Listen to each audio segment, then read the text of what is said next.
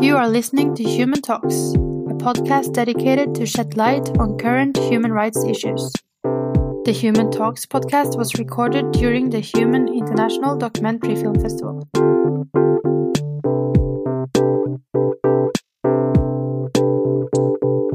Håper at eh, flere av de som har vært og sett eh, film, også finner veien inn i, eh, inn dette rommet her.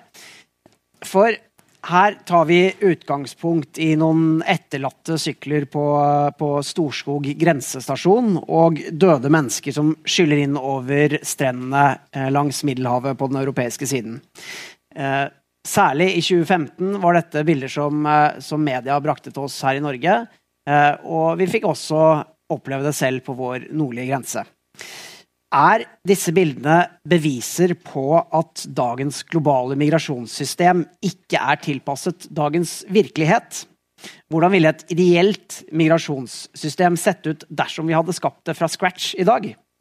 Det er temaet for dette panelet her på Human International Documentary Film Festival. og Jeg heter Stig Arild Pettersen, jeg er redaktør i Store norske leksikon. Og så leder jeg en utenrikspodkast som heter Du verden, som jeg håper alle her hører på.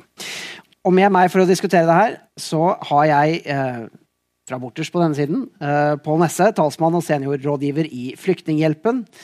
Torstein Ulserød, som er jurist og rådgiver i tankesmien Civita. Katja Franco, jusprofessor ved Universitetet i Oslo, som bl.a. har migrasjon som forskningsfelt. Og Sylo Taraku, som er rådgiver i tankens, tankesmien Agenda, og ikke minst medlem av eh, Arbeiderpartiets migrasjonsutvalg. Um, og jeg vil starte der jeg nettopp var, altså tilbake i, i 2015, som var det året som virkelig uh, hadde en, en, uh, et rekordstort antall migranter som ankom Europa fra flere hold. Det var flyktninger fra krigssoner som Irak, Syria og Afghanistan, men også mennesker fra helt andre land i Asia og Afrika på jakt etter et bedre liv. De kom med båt over Middelhavet, de vandret langs landeveien gjennom Tyrkia, Balkan, Russland og Sentral-Europa, og de slo opp leir langs Den engelske kanal. Og Der har jeg lyst til å starte med dere i dette forsøksvis liksom konstruktive panelet hvor vi skal skape fremtidens migrasjonssystem. Det er i fortiden, og, og hva vi så da. Eh, Katja, hva mener du eh, vi så i 2015 som var tegn på at det migrasjons- og asylsystemet vi har nå, som verden er fundert på, har sine svakheter. Hva var de fremste svakhetene som kom fram eh, under denne migrasjonskrisen? Jeg tenker, eller jeg syns egentlig at det hjelper å tenke for den tiden som en sånn tid av forvirring.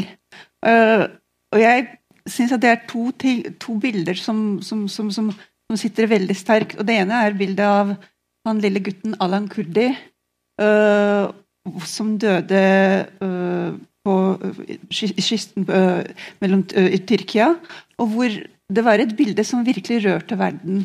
Det var mange europeiske ledere som sa vi må være mer humane. Det, var, måte, det, det skapte en virkelig sånn, sånn følelse av, uh, av uh, empati, solidaritet osv. Og, og så tenker jeg det var noen måneder senere så kom det Det, det kom først terrorangrepet i Paris. Det kom uh, det kontroversielle uh, nyttårsaften Köln i Tyskland osv. Hvor fortellinger om migrasjon forandrer seg veldig. Jeg tenker det, Dette her er to ytterligheter, og verden var veldig forvirret. Hva, skal vi, hva, skal vi, tenke på? Hvilken fortelling skal vi ha om, om migrasjon? Um, og Det så vi også på hvordan man praktisk håndterte uh, migrasjon. At I Middelhavet så gikk fra den italienskledede operasjonen Mare Nostrum, som reddet veldig mange menneskeliv, til en mye mer militaristisk uh, tilnærming til flyktninger. Og det var mange flere som døde av den grunn. Uh, I 2015 var det færre som døde i Middelhavet enn i 2016, selv om det var færre som, som, kom seg over likevel. Så det var på en måte høyere dødelighet, streng, mer streng grensekontroll. Og jeg tror det var knyttet til en sånn veldig sånn, hva skal man si, nesten sånn schizofrent bilde av hva er det vi, vi tenker om flyktninger. Uh, er de en trussel, eller er de faktisk noen vi, må, uh, vi skal hjelpe til? Um, så, så, så, for meg så var det på en måte det som sitter mest, da. En sånn uh, forandring i hvordan vi ser på migrasjon i forhold til er det et humanitært problem, eller er det et sånn trussel? Og jeg tror det er nok den trusselbildet som kanskje fikk mer øh, øh, mer kraft da, etter hvert. Så hvis jeg tolker det rett, litt sånn uh, dårlig koordinasjon og ekstremt forskjellig tilnærming mellom landene til hvordan er det vi skal takle dette som plutselig har, har slått oss i ansiktet? Ja, og også innad i land. det var det, det splittet. Uh, Flyktningkrisen splittet veldig sånn i forhold til både politisk og uh, Folk var delte på hvordan, hvordan vi skal tolke det. Det var en sånn dobbelthet, at man både ønsket å hjelpe, men samtidig vil beskytte, vil ha strengere grenser, men vil likevel være human osv. Jeg tenker at det, det, er noe som, øh, som, som, kjennetegnet veldig den tiden. Men så tenker jeg også at etter hvert så var det den, nok den øh, stengegrensen-politikken øh, som kanskje vant litt mer frem. da. Pål Du kjenner sikkert igjen det, det, bildet som Katja beskriver her. Men uh, hvis du skal være litt sånn systemkritisk, da, hva, hvor så du den største svikten i særlig i 2015, da, og, og, hvordan vi håndterte det? For oss som uh, jobber i Flyktninghjelpen, vi jobber jo ute i nærområdene, som vi ofte kaller det. Vi uh, har ikke noen programmer her hjemme. Og for oss så var dette en vanlig flyktningsituasjon på veldig mange måter. Altså du, hvis du jobber rundt Syria, eller i Kongo, eller i Kenya eller i Colombia, så er dette mer hverdagen. Sånn at det mest slående med 2015 opplevde jo vi at var handlingslammelsen. Jeg deler veldig din beskrivelse av på den ene siden et veldig sterkt engasjement for å hjelpe, for å beskytte, for eh, at folk ikke skulle dø og ikke ha det utrygt. Og så kom denne Men er situasjonen litt ute av kontroll? Og den er det, det er en frykt som sitter i ennå. Og Det er for så vidt et bilde som tegnes ennå, som vi syns er litt kuriøst. Men igjen først og fremst handlingslammelsen. Hvis jeg kan dra et lite eksempel. Eh, du er jo fra Balkan, eller dere er begge fra Balkan.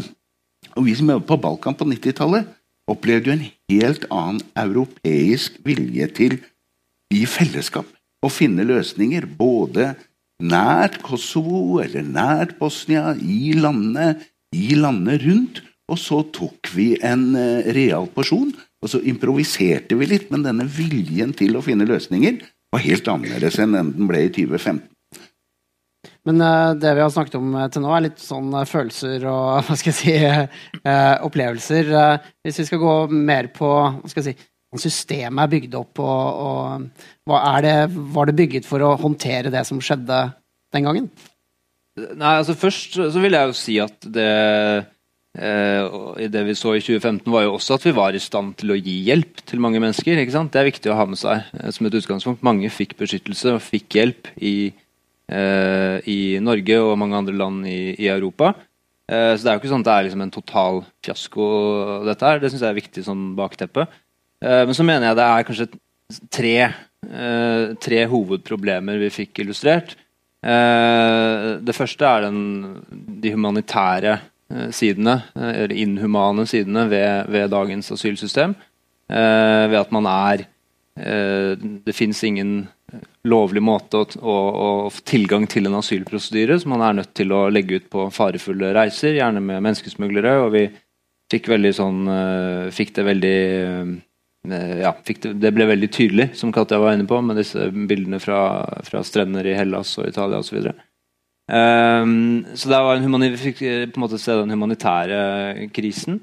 Uh, og så fikk vi demonstrert hvor uforutsigbart det er, og den mangelen, mangelen på kontroll. som du er inne på, til den, Det at det er uforutsigbart, for det er det. Hvor mange vi klarer, vi kan ikke, Det er vanskelig å beregne hvor mange som kommer. Plutselig kommer det, uh, kommer det ti ganger så mange som det har gjort året før. ikke sant? Og, og det bidrar til en følelse av mangel på at, at, at uh, politikken er ute av kontroll i befolkningen. Uh, og det fører i sin tur til det, det, som jeg mener er det tredje problemet, som vi så. At, at da får man en sånn uh, Det man har kalt en race to the bottom, hvor det er hvor landene i fravær av et fungerende internasjonalt system for byrdefordeling osv., så, videre, så så ser man at landene unilateralt strammer inn. Uh, det gjorde Norge, og det gjorde stort sett alle andre land. Man føler seg tvunget til det. For, og da det blir sånn svarteperspill. Uh, som ytterligere gjør, gjør, systemet ytterligere inhumant. Uh, så jeg syns det, det, med all mulig tydelighet viste at det er, det er behov for et, uh, et, nytt og bedre internasjonalt system for å håndtere flyktninger og, og asylsøkere. Og Hvis vi snakker om Europa spesielt, da, som, som, denne krisen handlet om, eh, så er jo Schengen-lovgivningen helt sentral her. Altså, man skal søke asyl i det landet hvor man først ankommer. Og det gjør jo at eh, noen land er spesielt mer utsatte eller får en større belastning enn en andre land. Og så plutselig trodde vi vi i Norge trodde vi var litt skjerma, men så plutselig viste det seg at jøss, vi har visst en yttergrense for Schengen, vi også. Um, er det en av de største sviktene som, som kom fram i, i, systemet, Sylo, sånn som du så det også? Ja, det, det, kan man si. At de institusjonene vi laget for å håndtere eh, migrasjon, eh, sviktet fordi man var uforberedt på at det kommer så mange samtidig. Schengen-avtalen, som du eh, nevner, eh, fungerte ikke. Det ble satt ut av spill fordi den forutsetter at eh, vi har felles grenser, og at de som kommer inn eh, irregulært, skal registreres i det, landet, det første landet de kommer inn. Hva skjedde? De ble ikke registrert. De kom seg videre helt til Danmark. De kunne komme, eh, gå videre fra Danmark til Sverige og hit uten å bli registrert noen sted i Europa. Så man maktet ikke å registrere det. Dublin-forordningen ble satt ut av spill. Og det var heller ikke vilje til å ta den i bruk. Merkel selv sa til Ungarn at dere trenger ikke altså at Dublin gjelder ikke. Fordi det ble skapt et slags euforisk stemning først. da, At vi skal hjelpe, vi skal legge til rette. Eh, så da var man ikke så opptatt av at institusjonene skal fungere. Eh, men så snudde stemningen når eh, problemet kom nærmere, og man klarte ikke å håndtere det fordi man har ikke et klart mottaksapparat som venter på at en million kommer plutselig. Det er uforutsigbart. Når det kommer veldig mange, så vil også veldig velfungerende samfunn og stater som Norge og, og Sverige og sånt, slite. I Sverige så satte man asylsøkere i en buss og sa til bussjåføren kjør. Bare kjør. Hvor? Nei, bare, bare kjør eh, et eller annet sted. Og så får du beskjed når du finner eh, et sted for å huse asylsøkere. Og når Sverige strammet inn etter å ha kritisert mange andre, så gjorde de ikke det fordi de ville at de ikke var solidariske, men fordi de ikke maktet å håndtere et så stort antall. De hadde ikke nok folk Eh, og hadde ikke nok plasser osv. Så, videre. så det ble et praktisk problem også. Eh, og Det viser bare at eh, systemet med individuell behandling, med, med, registrering og den type eh, systemer som vi har i Europa for asyl, er ikke tilpasset eh, sånne store kriser. Eh, så, så da, det skapte en debatt som, som fremdeles pågår, om hva vi skal gjøre for å unngå en lignende Og Der er det som du nevnte, Torstein, eh, altså byrdefordeling er sentralt. Jeg vil da litt over i dette i, i, i progresjonen her mot, mot, hvordan Europa har tenkt da etter 2015, og hvordan vi har prøvd å tenke framover og, og, håndtere det her. Um, det har vært mye diskusjon rundt, rundt nettopp byrdefordeling, Katja. Hva, hva, har skjedd? Hva er de viktigste grepene, da, særlig i Europa, uh, som har blitt tatt for å på en måte forberede seg på en, en, ny sånn situasjon, eller i hvert fall se fremover og se hvordan man kan forbedre det situasjonen eller systemet som, som er. Forbedre sett i hvert fall fra et europeisk perspektiv. Da. Nei, jeg tenker at det, det, er sånn som du sier, at det, det, hele krisen som Om det var en krise eller ikke, er et spørsmål. Mm. Uh, på en måte avslørte uh, en del svakheter i systemet, uh, og særlig innenfor Dublin-systemet. At det er et system som er man kunne jo si også dypt urettferdig i forhold til de søreuropeiske landene. At det, den er bygget på den måten at de landene som har egentlig minst ressurser til å håndtere uh, asylsøkningene, faktisk har størst ansvar, og at uh, støtten til de landene heller ikke fungerer som, som det skal. Sånn at man er ikke solidarisk innad i EU. Men det som jeg ser det, i hvert fall i det feltet jeg jobber med, og det er da de, de, mer som, si, polisiære aspekter av det, så har vi sett en ganske stor oppbygging av faktisk europeisk samarbeid. Og Da er det særlig det europeiske grensekontrollbyrået Frontex som har fått mye mer fullmakter. De har fått mer ressurser, større personale, antall personal osv. Så videre. så sånn sett så kunne man si at man kunne innføre etter krisen ting som man kunne bare drømme om før man kunne begynne å tenke på europeiske grensevakter. Eh, noe som, eh, som var helt utenkelig eh, før det. Fordi plutselig så var det behov for, for, for, for noe som ligner i hvert fall en sånn felles europeisk grensestyrke. Sånn, at, så sånn sett så har det vært også en oppbygging av europeiske institusjoner. Europa også, og EU også innførte sånne såkalte hotspots eh, for registrering av asylsøkere osv. Veldig mye ressurser der. Så, så, det var ikke bare som, hva skal jeg si, at eh, ting fungerte ikke på, på, på EU-nivå. Det var mye som på en måte som, som, ble oppgradert, og som da til slutt fungerte. Og særlig da også det som funger, kanskje hadde mest effekt, var det det, det, det, det, utenrikspolitiske, eller det, avtalet med uh, Tyrkia og også andre, andre, naboland.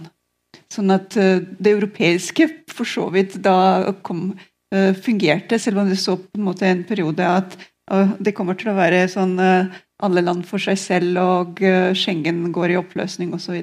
Men det er to ting du nevnte der, altså Frontex, større europeisk grenseforsvar, eller, og ikke minst avtalen med Tyrkia. Jeg kan tenke meg noe som dere i Flyktninghjelpen kanskje ikke er sånn superhappy for? eller jeg vet ikke, altså, Er det en løsning var, og grep som var bra for, for de i Europa som ville ha færrest mulig flyktninger, og kanskje ikke så bra for, for flyktninger og migranter, eller hadde det positive sider for, for, begge parter her? Primært så har det jo vært en eh, avtale for å hindre at det kommer folk til Europa.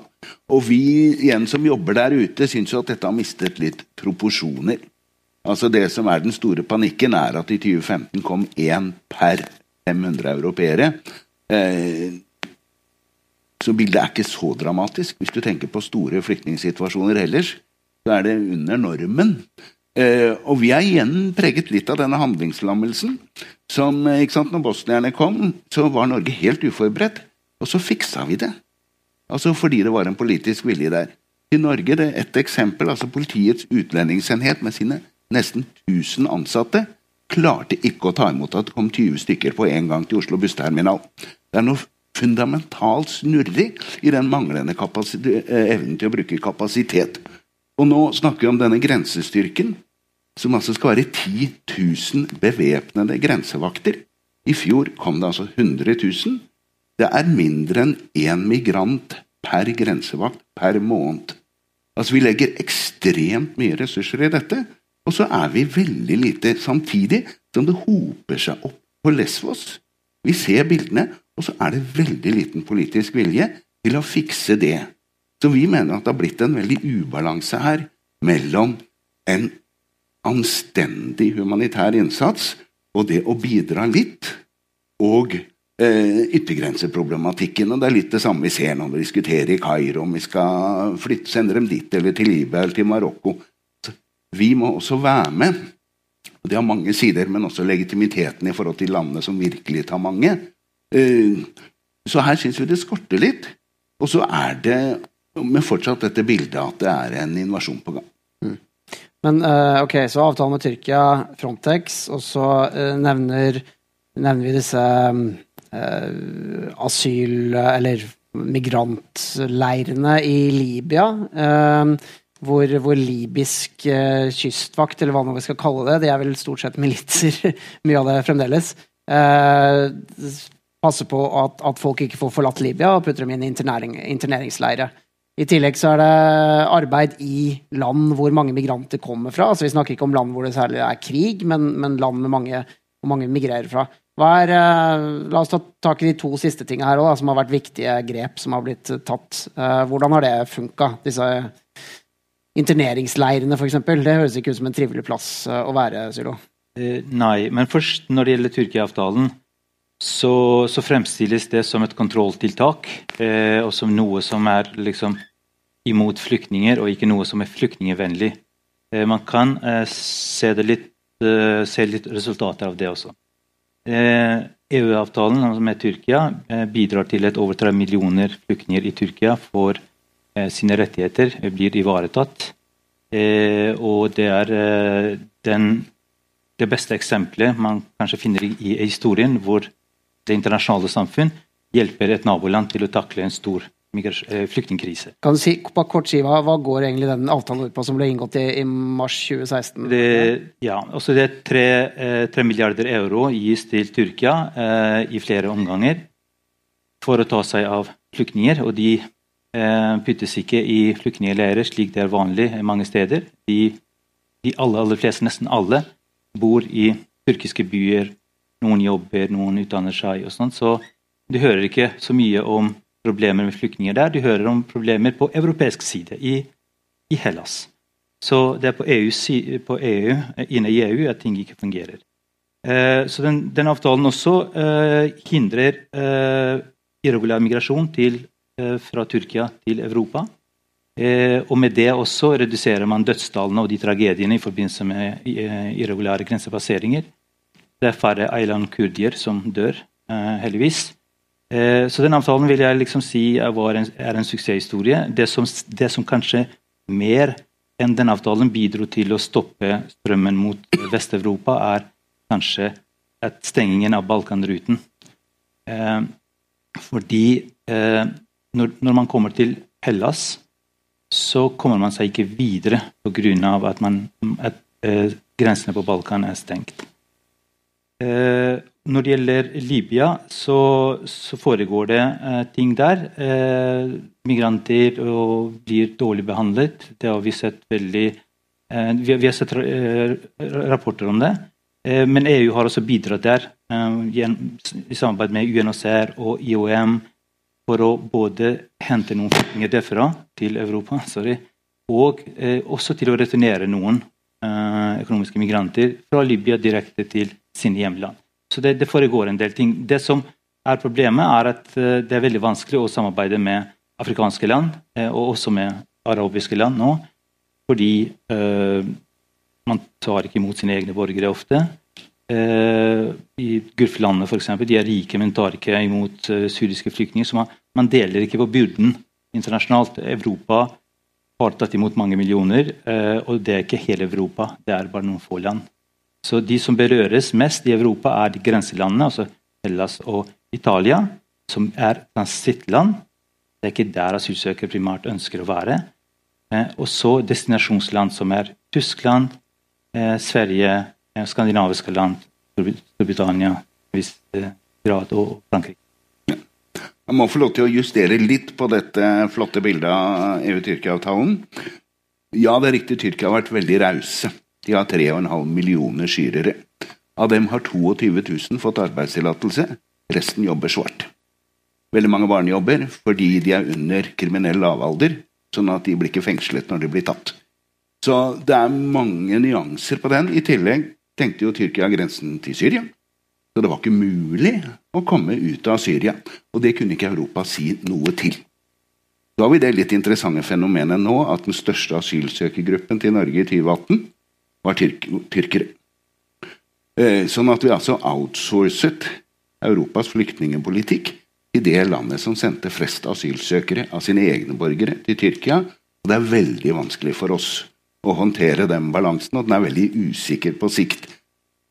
Så, uh, men kanskje hovedbiten, hvis jeg ikke bare skal være sånn polariserende her, er at for oss er dette med å ta en litt større, rimeligere andel. Man lovet jo å ta 72 000 syrere til Europa. Man har tatt 17. Så altså under en fjerdedel. Sånn at vi tar ikke det lille vi skal. Og det syns vi er for dårlig. Katja?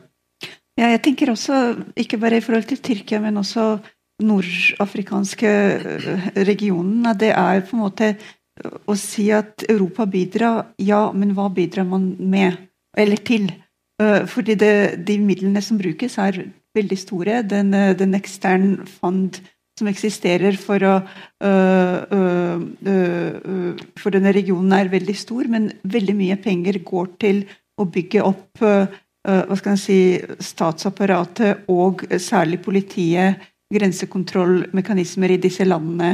Så f.eks. Uh, franske politifolk trener folk, uh, politiet i Niger og andre tidligere kolonier for å lære dem hvordan de skal uh, være mer effektive. Men om det er bare det de er mer effektive til, uh, Eh, er det også et annet spørsmål. Så man på en måte bruker veldig mye, mange millioner og milliarder euro til å bygge opp politistater i denne regionen. Og det, det tenker jeg er veldig problematisk. Som kanskje kunne vært brukt på, på, tiltak for å ta imot folk i Europa i stedet? Ja, eller, eller faktisk å investere i ting som, som i større grad som, som ville kommet migranter direkte til gode. Mm.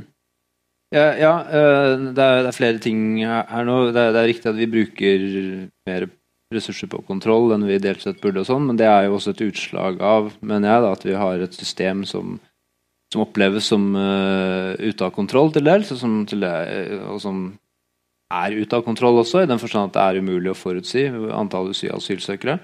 Uh, og da blir det, uh, blir det, lett sånn. Og så syns jeg det er uh, er det litt sånn interessant fenomen, det er den her liksom selvpiskingen vi holder på med både i Europa og, og i Norge. på en måte. Altså vi, som Sylo er inne på, det, Ja, det finnes en del land i Europa som nesten ikke tar imot flyktninger og asylsøkere, Ungarn osv. Eh, men Europa, EU som sådan tar imot ganske mange flyktninger. Og Norge tar definitivt imot mange flyktninger. I global sammenheng så er skal vi huske på at Norge er jeg tror vi er nummer tre når det gjelder eh, land som tar imot kvoteflyktninger i forhold til antall Eh, antall innbyggere. Bare Australia og Canada tror jeg, som ligger foran. og De har praktisk talt ingen asylsøkere. Når det gjelder summen av asylsøkere og, og, og kvoteflyktninger, så er altså Norge helt i toppen. Både i Europa og, og globalt. Og det, er veldig, hvis vi går, og det er også interessant å gå litt utenfor altså Gjøre den diskusjonen litt større enn Europa. For dette er jo, vi snakker jo om et globalt eh, flyktningsystem. Um, Flyktningkonvensjonen gjelder jo globalt. Uh, og det er veldig mange land i verden som nesten ikke tar imot flyktninger overhodet. Så det er jo en interessant diskusjon her. ok, Hvordan kan man, kan man, forholde seg til det? Er det mulig? Og det er selvfølgelig ja, Når vi ser hvor vanskelig det er å få til enighet om noe i EU, så er det selvfølgelig enda vanskeligere å, å se for seg at man skal bli enig om noe globalt. Men sånn prinsipielt så er det jo eh, riktig, mener jeg, å diskutere ok, hvordan, hvordan, ser vi på det? Hvor burde vi også stille, er det, er det, Går det an å få til noen form for globale byrdefordelingsmekanismer her som er rimelige også utover EU? For Her kunne man sett for seg et sånt system som vi har når vi får sånne um, uvær komme innover kysten. ikke sant? Så har man sånn liste med navn. Mm. Og hva, Det uværet skal hete Berit, og det skal hete Geir. Um, og man kunne sagt ok, du er uh, ankomst, asylsøker ankomst nummer åtte. Du skal til skal vi se, Uruguay til deg. Ja. Og så du skal til Chile, og, og du skal til uh, Sør-Afrika. Men, men det som du sier, er jo ekstremt vanskelig å få til. Ja. Men så er det noen som hevder da, at uh, det er på en måte litt det man prøvde å få til med FNs migrasjonsplattform nå, hvor de som var kritikere, og så kan man sikkert si mye om de som var mest uh, høylytte i den debatten, uh, hevdet at her, dette går utover statenes suverenitet. Det er FN som skal pålegge land å, ta imot uh, flyktninger. Uten å gå for mye inn på det, men kan noen bare, før vi begynner å liksom sette opp vårt eget migrasjonssystem her, fortelle litt hva i huleste var liksom hovedkjernen av dette FNs migrasjonsplattform? Uh, eh, UN Global Compact for Secure, Orderly and et eller annet migration. Ja. ja. Her er mange som vil, vil si noe, Sylo. Jeg, jeg, jeg, var der i Marrakech og fulgte eh, diskusjonene direkte. Eh, og eh, det ligger jo i selve på en måte tittelen til konferansen, eller til eh, denne avtalen eller plattformen, er at eh, FN ønsker eh, å bekjempe irregulær migrasjon og legge til rette for regulær og trygg migrasjon. Det er kjernen i budskapet. Og For å få det til, så må statene samarbeide. Samarbeide både med å bekjempe menneskesmugling og utnyttelse av sårbare mennesker og kriminalitet og, eh, og lidelser og sårbarhet til migranter, fordi de utsettes for veldig mye eh, langs migrasjonsruter, ikke bare i Middelhavet, men også før de kommer så langt. Eh, og Det adresserer de, hele prosessen. Eh, og så ønsker de å legge til rette for at de kan komme trygt, eller, eller folk kan bevege seg trygt. Eh, og, men, men, der pålegger de ikke stater noe, eh, noe som helst. Eh, men det er et plattform for dialog for å kunne håndtere dette bedre. F.eks. Eh, så kan man kanskje gi arbeidstillatelse til en, noen eh, migranter, eh, slik at det landet som da la, la, oss si det sånn at vi har en avtale med, med Marokko. At Marokko bidrar til å bekjempe menneskesmugling, men vi gir noen marokkanere arbeidstillatelse til, til, Europa, eller Niger eller andre land. At man adresserer sånn sånne ting på, på, denne måten. At det blir på en måte at, at alle kan tjene på dette. Men, eh, men hovedfokuset er selvfølgelig på migrantene. Eh, og at det blir lettere for dem at de får rettigheter, det blir lettere for dem å sende penger og en del sånne ting. også. Mange sånne gode praktiske Var det et fremskritt, Pål? Vil det gjøre noen forskjell? Det gjenstår å se, for igjen så står det på viljen. Men jeg syns ideen er veldig god. Og jeg har lyst til å komme Først må jeg si at ja, vi ligger i toppen på kvoteflyktninger og sånn, men vi skal være litt varsomme med å si at vi ligger i toppen globalt.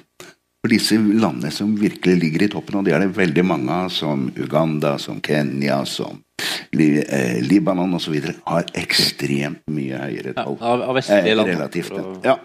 Men nok av det. Vi har en veldig spennende erfaring med litt sånn migrasjonsplattformen i praksis sammen med en flyktningsituasjon som du må nesten være litt grå i håret som meg for å huske. Og det var Vietnam på slutten av 80-tallet og begynnelsen av 90-tallet. Og jeg mener vi har veldig mye å lære i forhold til den europeiske situasjonen. Det er ikke sant, masse båtflyktninger, og først var de nesten alle beskyttelsessøkende og trengende. Ble du plukket opp av en norsk båt, så fikk du komme hit. Men de fleste havnet etter hvert i leirer i Sørøst-Asia, Hongkong, Thailand osv. Og, så og så gikk det over til å bli en sånn eh, miks, som vi ofte kaller det. Og så ble det mer og mer rene økonomiske migranter. Og så fikk man et samarbeid hvor du økte veldig kvoten til forskjellige kvoteland. Og så fikk du et samarbeid med Vietnam og landene i regionen.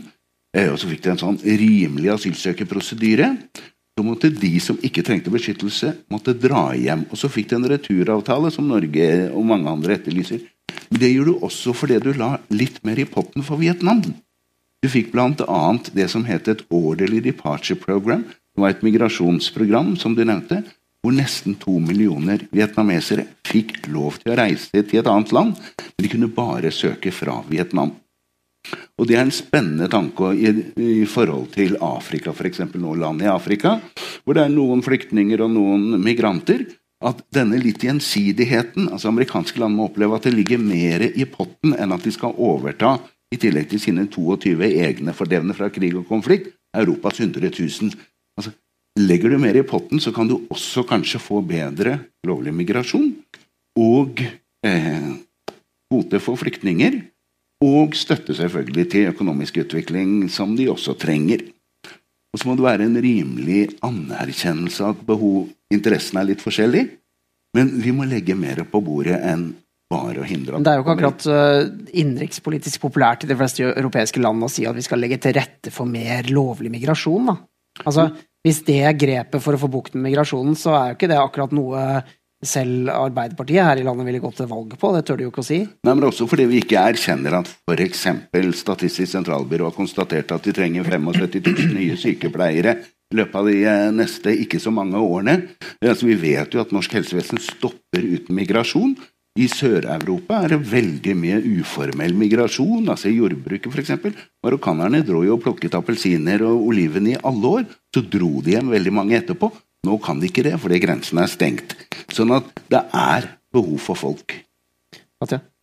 Ja, øh, jeg er også enig i at det er mye positivt som, som, skjer her. Jeg tenker Det som er særlig positivt, er å prøve å utvikle andre måter å tenke migrasjon på enn bare ulovlig, lovlig, ikke lovlig. Okay. Og snakke hele tiden om migrasjon knyttet til kriminalitet, kriminalisering osv. Og, så og særlig da også knyttet det til uh, i forhold til menneskesmugling, bekjempelse av det. For jeg tenker det er en del sånne uh, uh, Hva skal jeg si Ting som høres intuitivt riktig ut. som høres intuitivt riktig, f.eks. det at vi skal bekjempe for menneskesmugling, det er en form for organisert kriminalitet osv.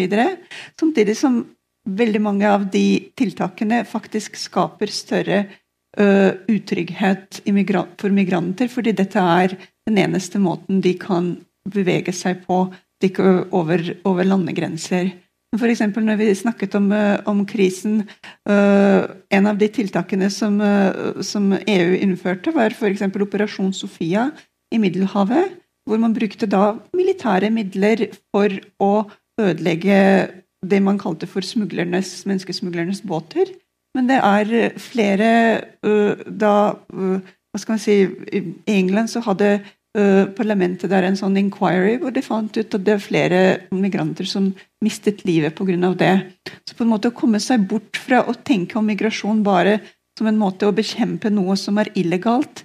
Fordi bare det å knytte det til illegalitet skaper faktisk utrygghet for migranter, fordi de er hele tiden definert uh, som kriminelle eller noen som benytter seg av kriminalitet. Men har ikke det vært litt av målet å prøve å bekjempe den kriminaliteten som, som følger da, rundt menneskesmugling og sånne ting? Og, uh, jeg tenker ved, altså Målet har jo vært ved å bidra til at det fins muligheter for uh, lovlig og organisert uh, migrasjon som vi har kontroll på. så vil man da bekjempe både kriminalitet, at vi føler at vi har mista kontrollen, og ikke minst at masse mennesker dør i Middelhavet, da, f.eks.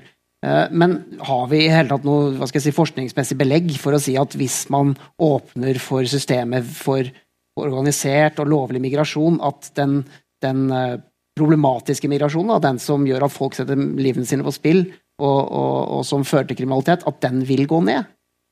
Det, jeg tenker jeg er kriminolog. Ja. Det betyr at eh, vi, det vi forsker på, er mye på, på kriminalitet. og det, det er sånn, en, en sånn, skal, veldig sånn enkel uh, visdom er at forbud skaper uh, organiserte former for hvordan man skal unngå det. Om det er uh, Narkotika, f.eks. Nettopp. Ja. Sånn, sånn, at, sånn, sett så er det en sånn naturlig hva skal man si, mekanisme som, som ligger, ligger, i det. Mm. Jo, også vi har erfaringer Eh, flere av dere så den filmen fra Australia, var, var ikke det? Eh, man har en positiv og en negativ erfaring der. Den positive er at eh, det dør ikke migranter på vei til Australia lenger. Fordi Australia har sagt eh, det er ingen vei. Eh, via menneskesmugling så får dere ikke søkt om asyl i, i Australia. Da blir det slutt på dødsfall eller tragedier utenfor eh, Australias kyst.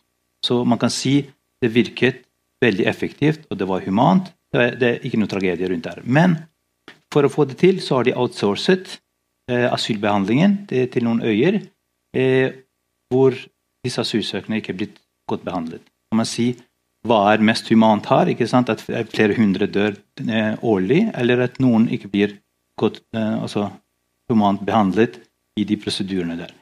Eh, man kan si at Eh, det, det, er viktig å unngå at, flere, at folk lider og, dør på vei til Europa eller til Australia. Men det er også viktig å unngå at de blir um, dårlig behandlet i, i, sånne leirer.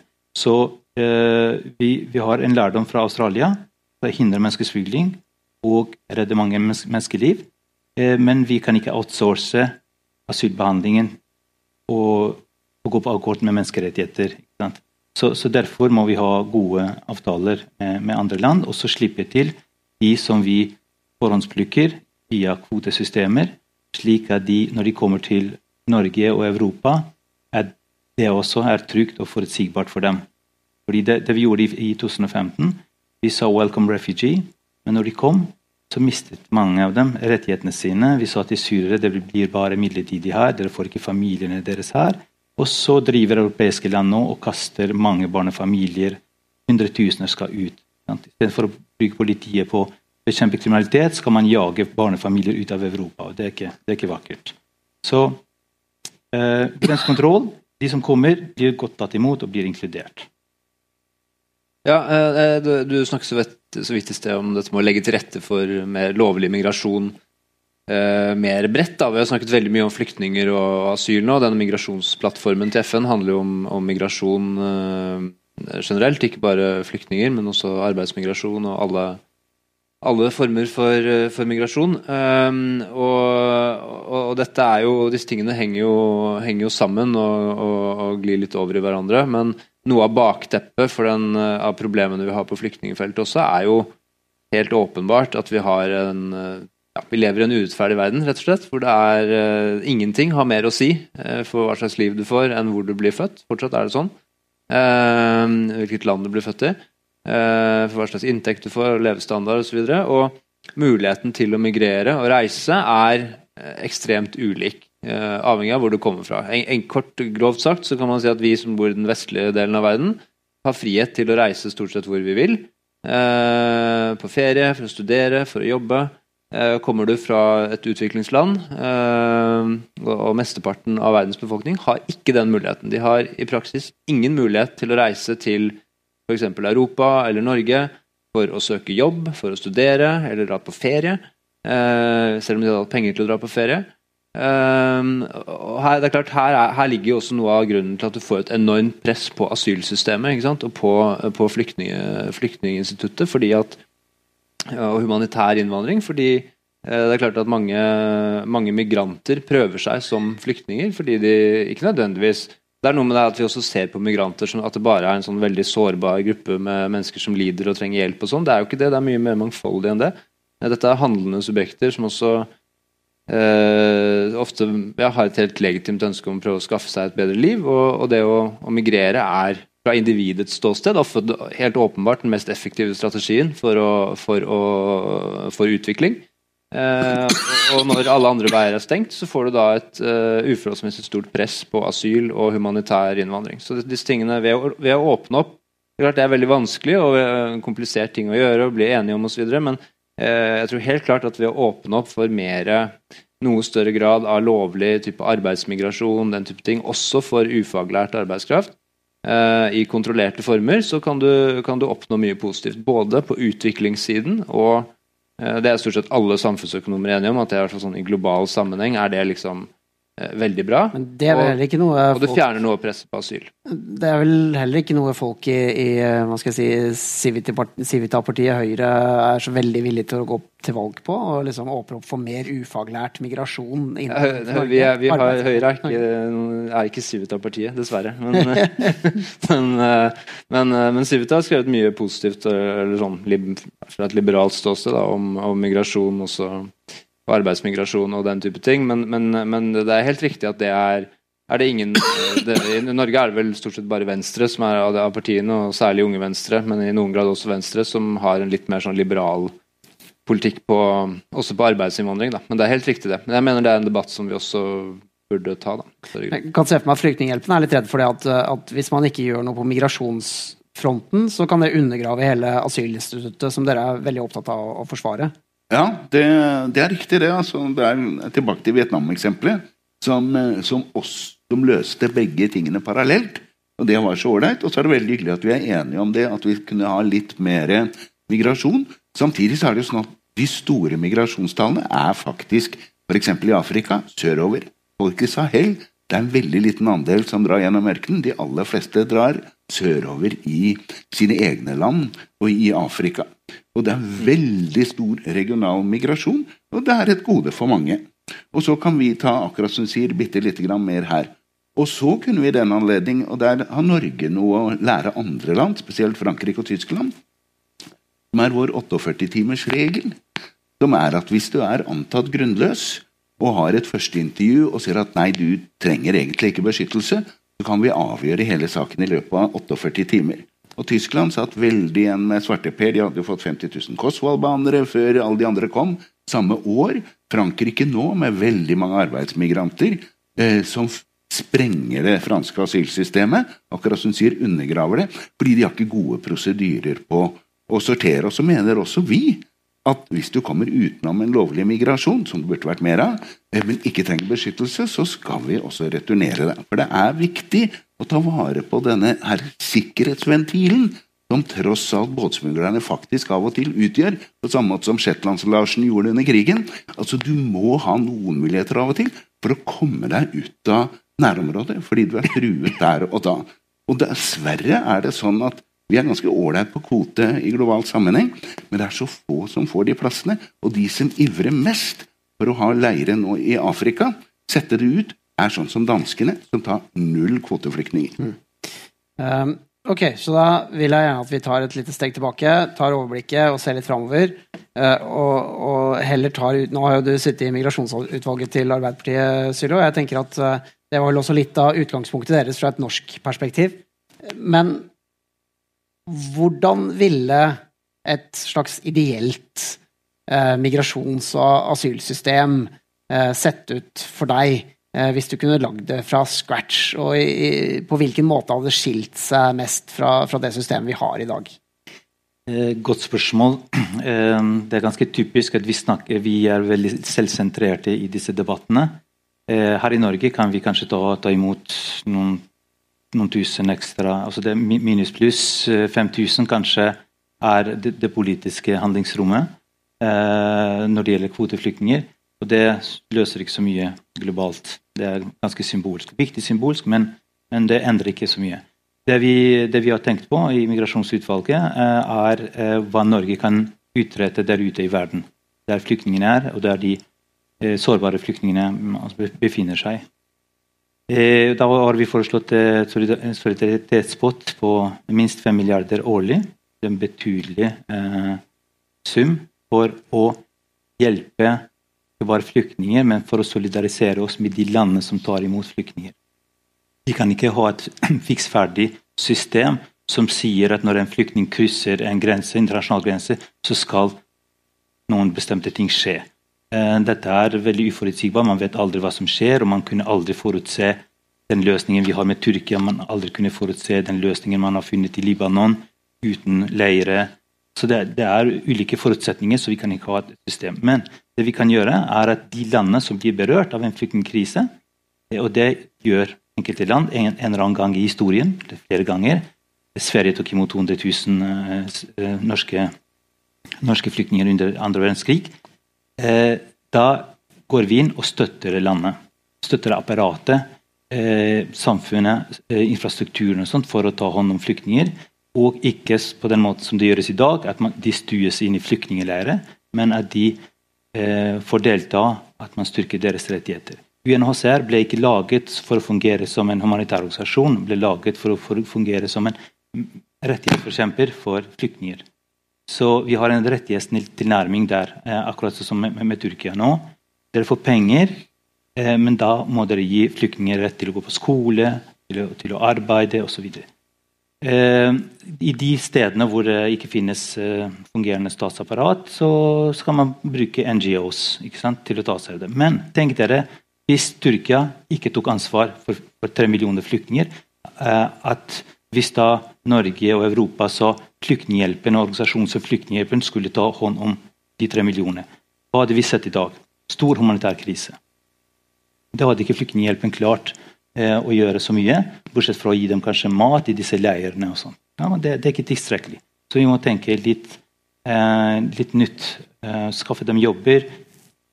Hjelpe til repatrieringsprogrammer. F.eks. retten til retur er, er, blitt glemt. Det var veldig eh, veldig viktig rettighet som man eh, var opptatt av på, på 90-tallet. Man drev med store repatrieringsprogrammer, men nå satses det veldig lite. For eksempel, nå trenger mange syriske flyktninger å reise tilbake. Og de trenger å hjelp til å reintegrere seg, og det, det må det internasjonale samfunnet bidra med. Men hva, hva vi, vi, diskuterer, sånne veldig, veldig små, snevre ting som, som handler om Norge. Mm. Katja? Uh, ja, uh, jeg tror kanskje at jeg kommer til å på en måte starte akkurat motsatt veien. Jeg tror at kanskje for meg, i hvert fall, så begynner denne her sånn å tenke uh, en positiv fremtid hjemme. Fordi veldig mye av den diskusjonen har vært hvordan kan vi på en måte dytte disse mennesker bort. Uh, og det har ført at på en måte mye mindre hva skal man si, uh, liberal stemning hjemme har på en måte også ført til mye mer sånn dytte dem bort om restriktiv politikk. Og jeg tenker at det, det er veldig knyttet til det, det politiske situasjonen i de i, særlig i Vest-Europa, eller de fleste vestlige, vestlige, land, som har på en måte blitt mindre hva skal man si, liberale i forhold, i forhold til migrasjon. Og da er det ikke bare jeg tror at det, Hvordan man tenker flyktningpolitikk, tenker da generelt hvordan man tenker mangfoldig samfunn. Hvordan man tenker om mennesker som er, uh, som er annerledes. Uh, sånn at det har gått hånd i hånd. og Det var flere som nevnte her at uh, barnefamilier sendes ute osv. Det at hvor mange kvoteflyktninger man tar er på en måte I 2016 tror jeg det var Norge uh, deporterte 8000 mennesker. Det, er på en måte, det har gått hånd i hånd med, med på en måte uh, den presset på å deportere og sende ut flest mulig, så har gått på en måte hånd i hånd med, med den stengingen av, av, grensen. sånn at jeg tenker at flyktningpolitikk er en mye mer uh, komplisert, både politisk, men også samfunnsmessig uh, spørsmål som, som, har med det å gjøre. Hvordan er det vi tenker uh, verden. Tenker vi en verden hvor alle skal bare bo, få lov til å bo i det landet de er født i, og veldig sånn uh, Hva skal man si uh, nasjonalitetsrene nasjonalstater? Eller tenker vi faktisk en verden som er mangfoldig, hvor da også det er mer legitimt å bevege seg i alle mulige retninger, og hvor man tenker medlemskap i mye mer enn bare øh, øh, de som er født og oppvokst i landet. at det, det, Jeg tror det, det, henger sammen med det. Jeg tror Skal man få gjennom det i Norge, så bør man først og fremst vente til etter ski-VM med å foreslå det. For relativt idealistisk, men nå ba jeg dere være litt sånn, tenke litt høyt, da. Men du innrømmer det at det, det er jo vanskelig å få gjennom politisk? Det, det, er vanskelig å få gjennom politisk, men jeg tenker at eh, det, det har gått eh, på en måte Utviklingen har gått veldig mye i en mer restriktiv retning.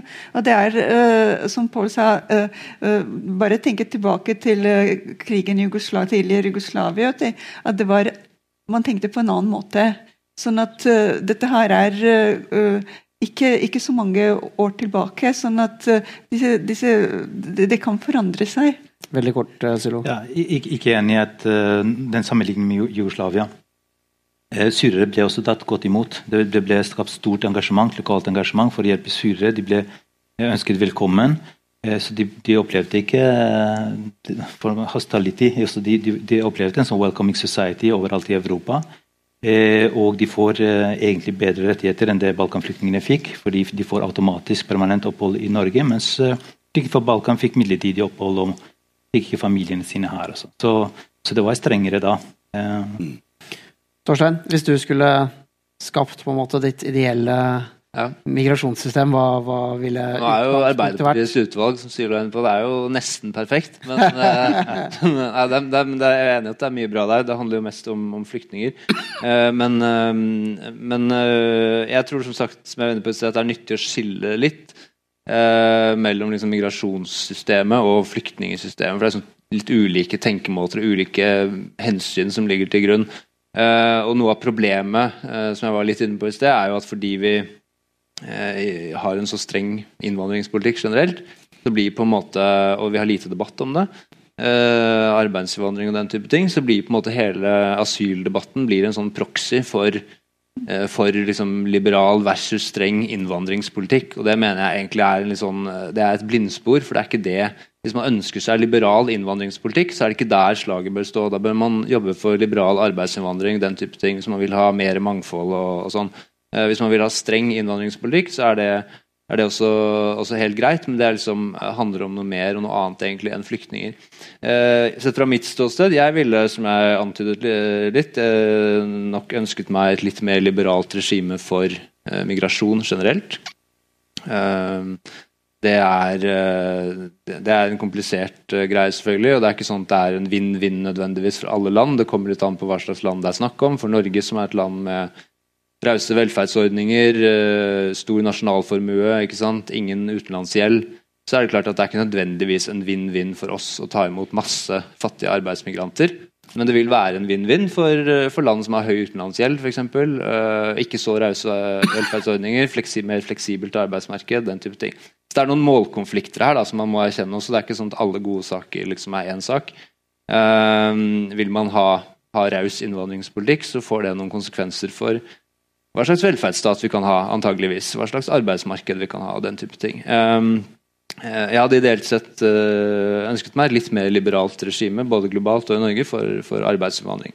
Så tror jeg det er nyttig å tenke på Flyktninginstituttet som noe litt annet. Det er egentlig ikke, uh, egentlig ikke liksom en mekanisme som er der for å legge til rette for masseinnvandring eh, til foretrukne land. Det er en mekanisme som er der for å tilby beskyttelse i en helt spesifikk humanitær situasjon. Um, og, og, det, og, det, er liksom en litt annen problemstilling. Og da, og, på flyktningfeltet mener jeg vi bør liksom diskutere hvordan, hvordan gjør vi det mest mulig effektivt. Er det mest mulig, får vi, hvordan hjelper vi flest, enkelt, enkelt og greit? Og Det er litt sånn annet spørsmål enn om man ønsker seg liberal innvandringspolitikk eller ikke. Flott. Pål, er det deg igjen, da? Ja, du får drømme opp ditt eget uh, migrasjonssystem. Altså, uh, Hvis vi begynner litt med retorikken, så er det sånn at de aller strengeste og sinteste de mener det de mener. Det jeg har savnet i den norske debatten, er mer tilstedeværelse av gjennomsnittspolitikeren som, som tar et hakk og sier at sånn snakker vi ikke om folk. Eh, de som jobber med flyktninger i Norge, sier at det er blitt tøffere å være flyktning i Norge. Det er liksom blitt legitimt å høre på gata 'kom deg hjem'. Sånn skal vi ikke ha det. Og det er det altfor få som tar til orde mot, inklusive ditt parti. Eh, Så da må dere skjerpe dere. Og så er vi helt enige at uh, mer til nærområdene. Vi er blitt mer til tolerante sånn generelt. Og, og det, vi er ganske skuffet over at Også for så vidt ta deg siden du sitter her, da. Ja. Eh, solidaritetspotten, så kom nasjonalbudsjettet, så plutselig til Arbeiderpartiet på så mye. Det ble ikke noe av. Verken flere kvoteflyktninger og noen få titalls millioner etter at vi hadde spart seks milliarder på at det kom så få til Norge. Vi tar ikke den helt på alvor. Og noe av dilemmaet er jo for jeg er helt enig med deg, Vi må legge mer til rette for retur. Det er det flyktninger flest ønsker. Og så har vi det spesielle at det har aldri vært så få som har kunnet reise hjem. Det er, det er liksom vår tids unntakstilstand. Så håper vi det løsner litt i Syria, når folk faktisk kan dra trygt hjem etter hvert. Eh, For det er det som har gjort at vi bruker så innmari mye penger ute også. Det At vi sitter der og betaler nødhjelp år etter år etter år etter år til de samme folka som sitter og venter og glor i veggen år etter år etter år. Så mer trøkk på nærområdene. Litt mer positiv retorikk, og ikke bare snakke om dette som noe ræl og noe skummelt og noe truende. Eh, Canada er veldig flinke der. Litt mer migrasjonsløp. Og så noen ordentlige løft. Men, øh, men øh, ja. Eh, Og så er systemet, kan jeg få legge til det? Ja, det det. altså, vi som jobber med flyktninger, vet jo at du får aldri en sånn at alle landene er enige om at nå lager vi en god flyktningpolitikk. Sånn bare er det ikke. Så det er at noen er greie, og det er det jeg savner i Europa nå. At de som er greie, de sitter musestille.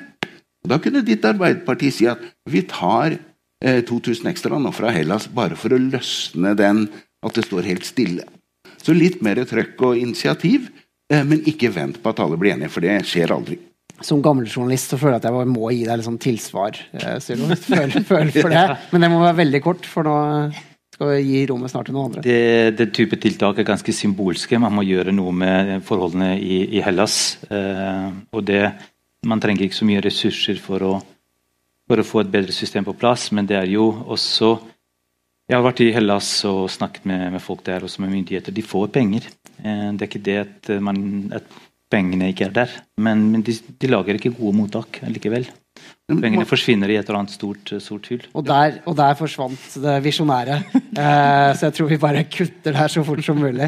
Eh, og så tar vi med oss eh, de forslagene som kom eh, videre. Tusen takk for at dere kom, eh, alle fire. Eh, og tusen takk for at dere kom. Og så kommer det eh, et nytt panel her i salen veldig snart, som også er veldig spennende. Nemlig om rettssaken mot eh, Ratko Mladic. Eh, Balkan har jo blitt nevnt flere ganger her, så det er jo veldig relevant. Eh, og ikke minst, det er flere dager til med festival før vi er ferdige. Så, eh, så titt i programmet og finn noen kule filmer og gode debatter, og velkommen tilbake.